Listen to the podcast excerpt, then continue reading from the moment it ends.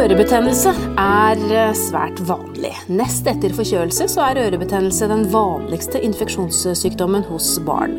Men noen barn har et eget anlegg for å få slike infeksjoner og er ekstra plaget. Disse må behandles av lege, og enkelte må også få operert inn et eh, dren. Vi skal også snakke om ører i denne episoden av Babyverdens podkast. Jeg heter Karine Næss Frafjord, jeg er redaktør i Babyverden.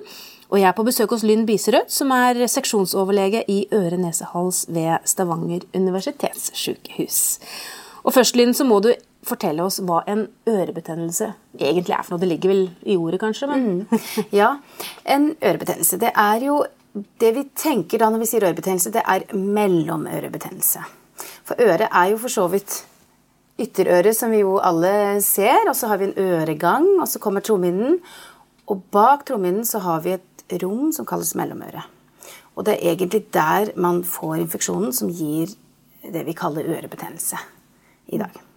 Og eh, ørebetennelse er jo en veldig vanlig komplikasjon til eh, øvre luftveisinfeksjon. Og jeg vil si at vel 80% av alle barn før de begynner på skolen, har hatt minst én ørebetennelse i livet da.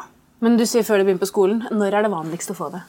Det er vanskelig å si når det er vanligst, fordi det, det, kan forekomme egentlig helt fra, eh, fra, før de blir et år og fram til ja, For så vidt så kan man jo alltid få en ørebetennelse også som voksen, men det er jo mer vanlig hos barn, fordi de har ikke opparbeida det immunforsvaret som vi voksne har, ved å ha levd et liv og blitt utsatt for eh, infeksjoner og det bombardementet av, av, virus og bakterier vi har i luften. Da. Ja, så Det er egentlig for, det som er årsaken? Altså at disse ja. barna er umodne og nye? Rett ja, rett og slett. Ja. Immunforsvaret er rett og slett ikke helt uh, hva skal jeg si, helt opparbeida, eller ferdig ut, Eller det er jo ferdig utviklet, for det skjer jo i, i mors liv, men, men det er en, en, en hva skal jeg si, en, en, utdannelse kroppen tar gjennom livet, da. Ja. Mm. Okay. Så um, Mellomørebetennelse er som sagt da veldig vanlig, og en infeksjon som vi jo eh, veldig ofte klarer å kurere selv. Altså kroppen selv kurerer det med eh, at det immunforsvaret vi har, eh, gjør at vi klarer å, å, håndtere infeksjonen selv. Og ofte så går den over i løpet av en to, kanskje tre dager. Og det er såpass, altså? Ja, det kan være såpass. Og da vil jo du merke det på barnet med at eh, det har vondt i øret. Det er jo gjerne det ofte det første tegnet. Klager på vondt i øret.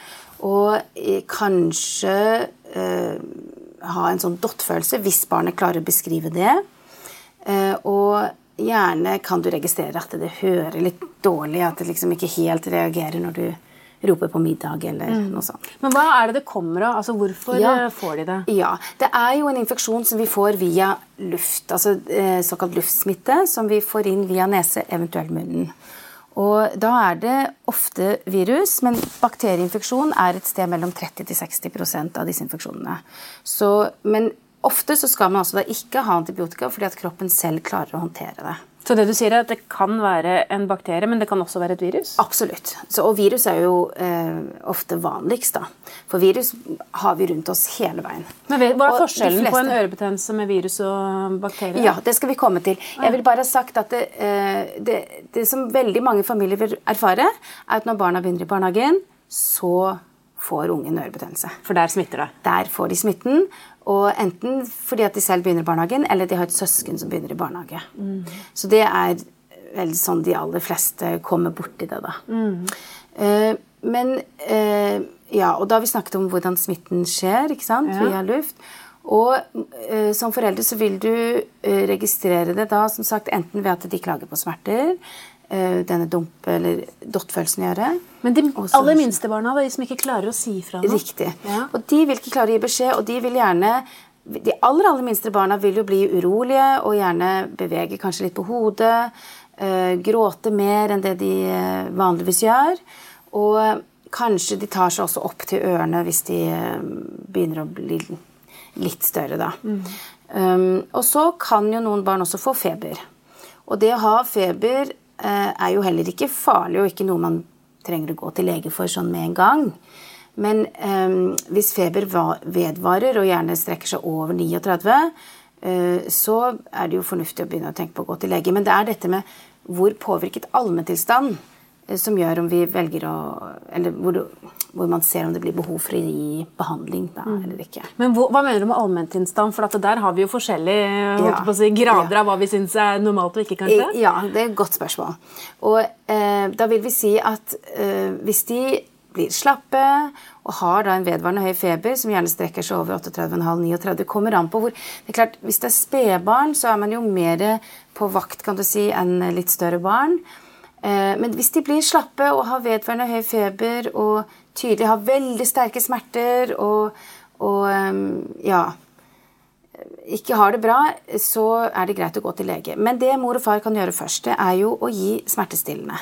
For det er jo det som uh, er den første behandlingen man skal gi når det gjelder ørebetennelse. Så er det smertestillende. Og da er vanlig Paracet og eventuelt litt sterkere med Ibux eller Nurofen og den type noe man kan gi. Og det leser dere bare på pakningen etter vekt. Ja, og så er det vel noe med at Ibux skal man ikke gi til de aller minste, er det ikke så? Riktig. Og da gir man Paracet. Mm. Mm. Og så, eh, hvis man da føler at det, smerten ikke Eh, eller den smertestillende man får, ikke hjelper, så er det gjerne fordi at man har en litt kraftigere mellomørebetennelse. Da. Og det betyr at man da etter hvert også utvikler væske i mellomøret. Og, eh, og da kommer, da kommer trommehinnen på strekk. Eh, se for deg et rom hvor trommehinnen da blir den myke fjerde veggen, som er den veggen som kan bevege seg hvis det fylles opp med væske. Og da har vi masse nervefibre på trommehinnen. Og når den kommer i strekk, så gjør det vondt. Ja, og det gjør veldig vondt òg, gjør det ikke det? Og det kan gjøre kjempevondt. Ja. Det, eh, og vi kan også få en egen infeksjon på selve trommehinnen. Og det er en egen eh, Det kalles myringitt. Og det er kjempevondt. Det har jeg hatt selv, faktisk, og det var knallvondt. Men um, så ofte, så selv når det er så vondt, så er det altså smertestillende å gi. Uh, som foreldrene skal gi. Og, og, noen ganger så ordner kroppen opp selv fordi at trommehinnen sprekker. Og da renner denne væsken ut som ligger på, inni mellomøret. Og det er jo egentlig bare helt fint. Men det høres også veldig vondt ut. Selve Det at det, altså det verste er at trommehinnen står på sprenn, og så sprekker trommehinnen. Og det er jo klart vondt akkurat Men det er jo bare gjort på et sekund egentlig, eller to. Og så renner det ut. Og da er det holdt jeg på å si, nesten som en fødsel. Men i hvert fall at da avtar smertene veldig. For da er jo ikke trommehinnen på strekk lenger. Vil, vil, det være sånn at uh, man som forelder kan se at det renner noe ut? Ja. Så man det, vil merke det? Det vil man kunne se, fordi at det vil bli litt sånn blank, kanskje til og med litt gulig væske som kommer ut gjennom øregangen. Noen ganger er det litt vanskelig for foreldre å vite helt, for vi har jo ørevoks i øregangen også. Og det er jo litt variasjon på hvor myk eller fast den er. Og noen barn kan jo bare ha litt ørevoks eh, i enden, og så kan man tro at det er væske. Men det er jo ikke det, da. Så da, det er jo ørevoks. Men denne væsken da vil renne, og det blir fuktig. Og gjerne hvis de eh, ser om morgenen og ungene har sovet gjennom natten, så vil du se at det er en eh, liten eh, dråp, eller litt eh, omriss på puten da, med litt sånn vått område med litt gult. Er det vanlig å ha det i ett øre eller i begge? Ja det, er, ja, det var et godt spørsmål. Men det, det kan skje begge deler. Ja. Man kan ha det bare på den ene siden eller på begge. Ja. Kanskje vanligere med at det gjerne ofte inntreffer på begge ører. da. Ja. Men du, denne trommehinnen, da, når den er sprukket, vil den leges igjen? Er, ja. det, er det, meningen? Ja. ja. det er meningen, og der er jo kroppen vår fantastisk igjen. fordi dette, dette er jo en, et lite hull som kommer gjerne bare noen millimeter stort, sånn at det er ikke noe problem for kroppen å fikse opp i det igjen. Mm. Eh, og det gror gjerne i løpet av et døgn, det til og med. Hvis man da ikke har veldig mye væske og det stadig renner, da opprettholdes jo det hullet. Men det vil gro igjen, ja. Mm. Vi skal snakke mer om dette med ørebetennelse, og ikke minst eh, de barna som kalles for ørebarn. Men vi tar en liten pause først. Ja, Vi snakker om ørebetennelse i denne episoden av eh, Babyverdens podkast. Jeg er på Stavanger universitetssykehus på besøk hos Lynn Biserød, som er overlege i øre, nese, hals der. Og nå har vi jo snakket om ørebetennelse som veldig ofte leger seg selv ved at trommehinnen sprekker og væske renner kan ut. Sprekke. Kan sprekke. Mm. Eh, og at man som du sier, skal forsøke med litt Paracet og smertestillende først. Mm. Men så, så, er det jo de mer alvorlige tilfellene. Ja. Og de, eh, fordi at Noen barn blir jo da mer syke. Altså de, eh, og hvis dette med at det renner fra øret varer mer enn gjerne tre dager, så bør de jo gå til lege og få det sjekket. For da kan det være en bakteriell infeksjon. Og da kan det være nødvendig med antibiotika. Ja. Eh, kanskje. Ikke nødvendigvis, men eh, avhengig av hva legen da ser, og hvordan den væsken er. For hvis det er bakterier, så er det gjerne litt mer lukt.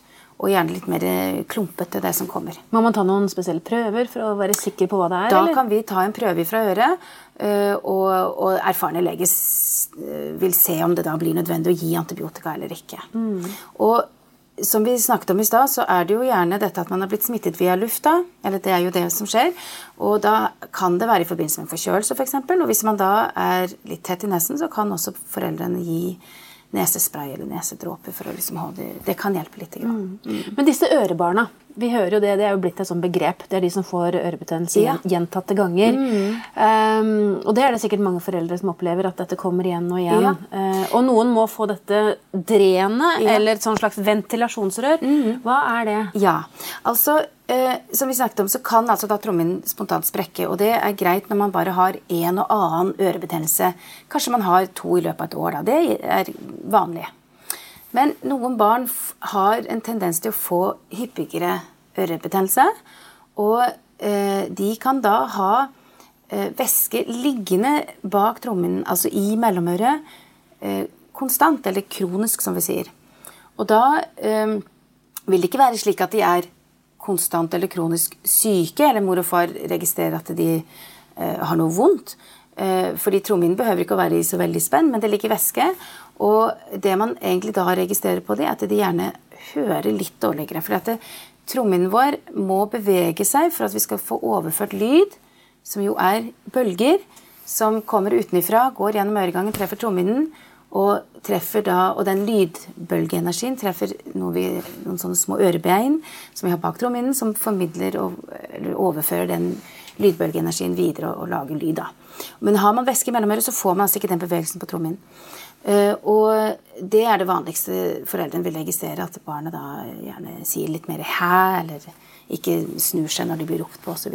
Mm. Og gjerne kan de også merke det at vi, de får litt dårligere uttale. Eller, Ja, for det er jo nettopp det. Dette er jo barn som er i en fase hvor de skal utvikle språket sitt. Betyr det at de kan faktisk utvikle talefeil?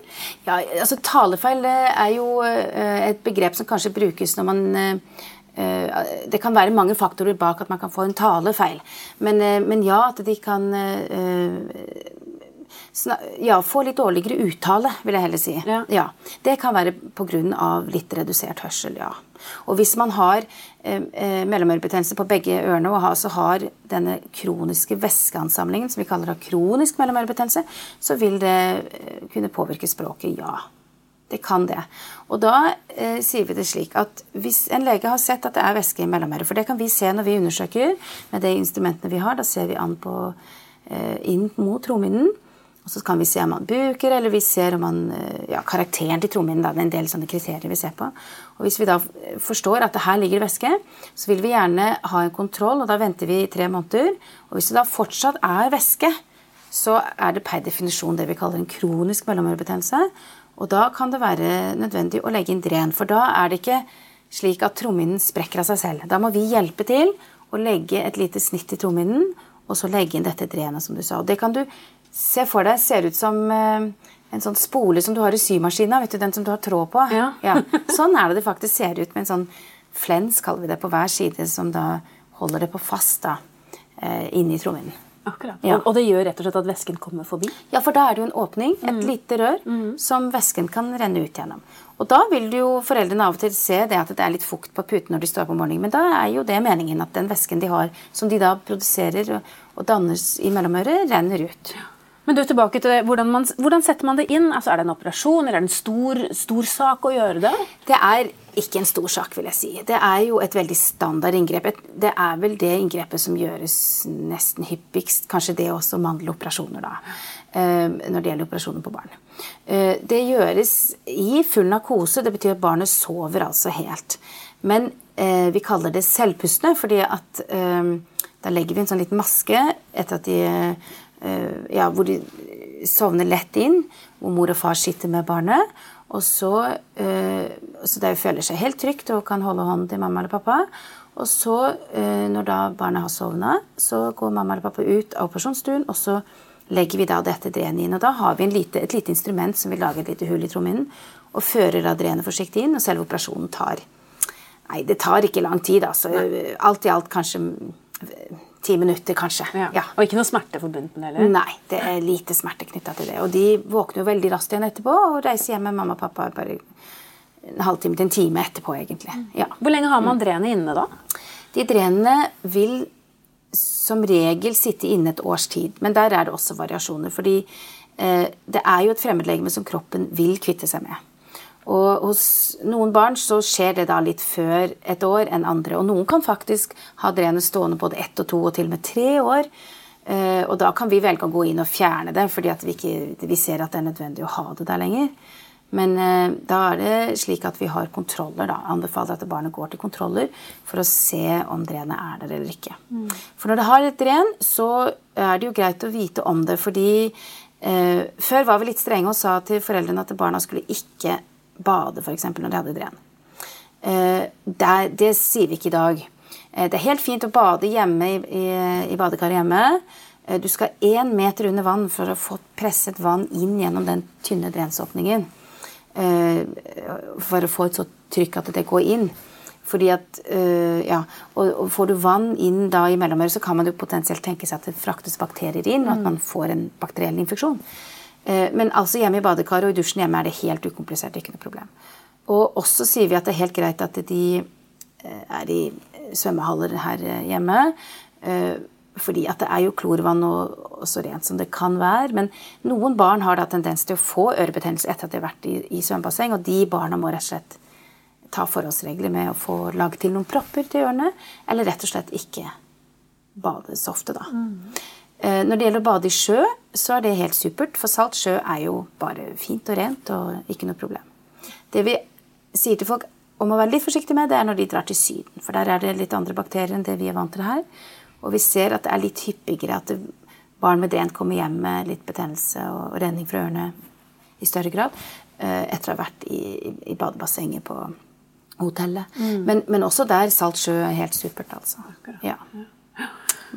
Men eh, tilbake til dette med årsaken. Nå sa du at det var kronisk eh, mellomørebetennelse, de som får dren. Kronisk, Betyr det at de blir kvitt det? ja. De, ja det På et eller annet tidspunkt? Ja. Ja. De vokser det av seg, fordi vil jeg jo si, det er jo noen for Dette er jo det vi kaller ørebarn, ikke sant? eller Mm. drenbarn. Og de aller, aller fleste vokser altså Det er sjelden vi legger inn dren på barn over fem, seks, syv år. Men det er jo selvfølgelig unntak der også. Vi har jo enkelte voksne også som går med dren. Men det handler litt om anatomien eh, eh, deres, da. Ja, Kan det være arvelig, dette? Altså Vi ser at de som har litt lettere eller høyere tendens til å få det, er eh, barn som gjerne er utsatt for røyk. Og man kan si at det kan ha en genetisk disposisjon. Men det betyr ikke at det er arvelig.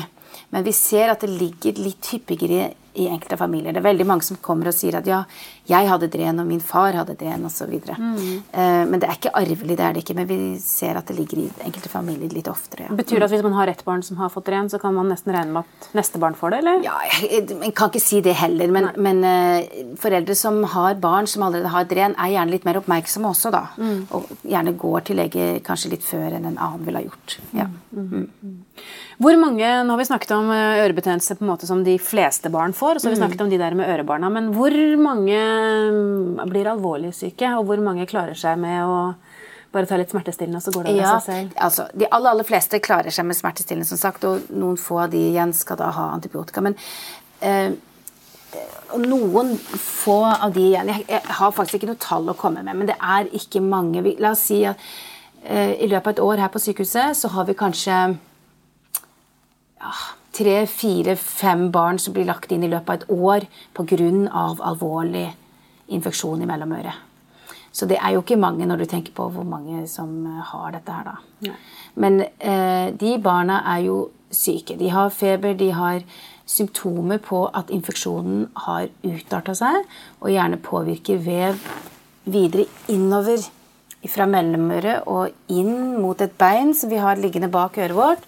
Infeksjonen har spredd seg inn der, og hos noen få så kan faktisk infeksjonen utvikle seg videre og gå inn i selve hodet. Så det er egentlig all mulig grunn til å være på vakt og ta kontakt med lege hvis man er usikker. Ja, det skal man, men, men som sagt så er det eh, veldig lav Eller det er veldig få som får så alvorlig kompleksjon. Og, de aller, aller fleste kommer seg fri etter to-tre dager. Men det er hvis det varer ved utover det, at ja, man skal være på vakt. Mm. Takk skal du ha for gode råd, seksjonsoverlege i øre, nese, hals, Lynn Biserød ved Stavanger universitetssykehus. Hvis du lurer på mer om dette temaet, finner du mange artikler på babyverden.no og diskusjoner med andre i Babyverdens forum. Hvis du ikke allerede har lastet ned appen vår, Gravid og barn, så anbefaler jeg deg å gjøre det med en gang, så kan du følge utviklingen til barnet ditt dag for dag og uke for uke. Siden du er opptatt av graviditet og barn, kan det også være lurt å abonnere på Babyverdens podkast, så får du nye episoder automatisk hver uke. Det er også vi som lager podkastserien Gravid uke for uke. Den bør du også få med deg hvis du har barn i magen. Har du kommentarer eller et tema du ønsker at vi skal belyse, så kan du sende en e-post til podkast at babyverden.no. Men husk at vi som lager denne podkasten er journalister og ikke helsepersonell. Så hvis du har medisinske spørsmål, må du ta kontakt med jordmor eller fastlegen din. Ha det godt til vi høres igjen.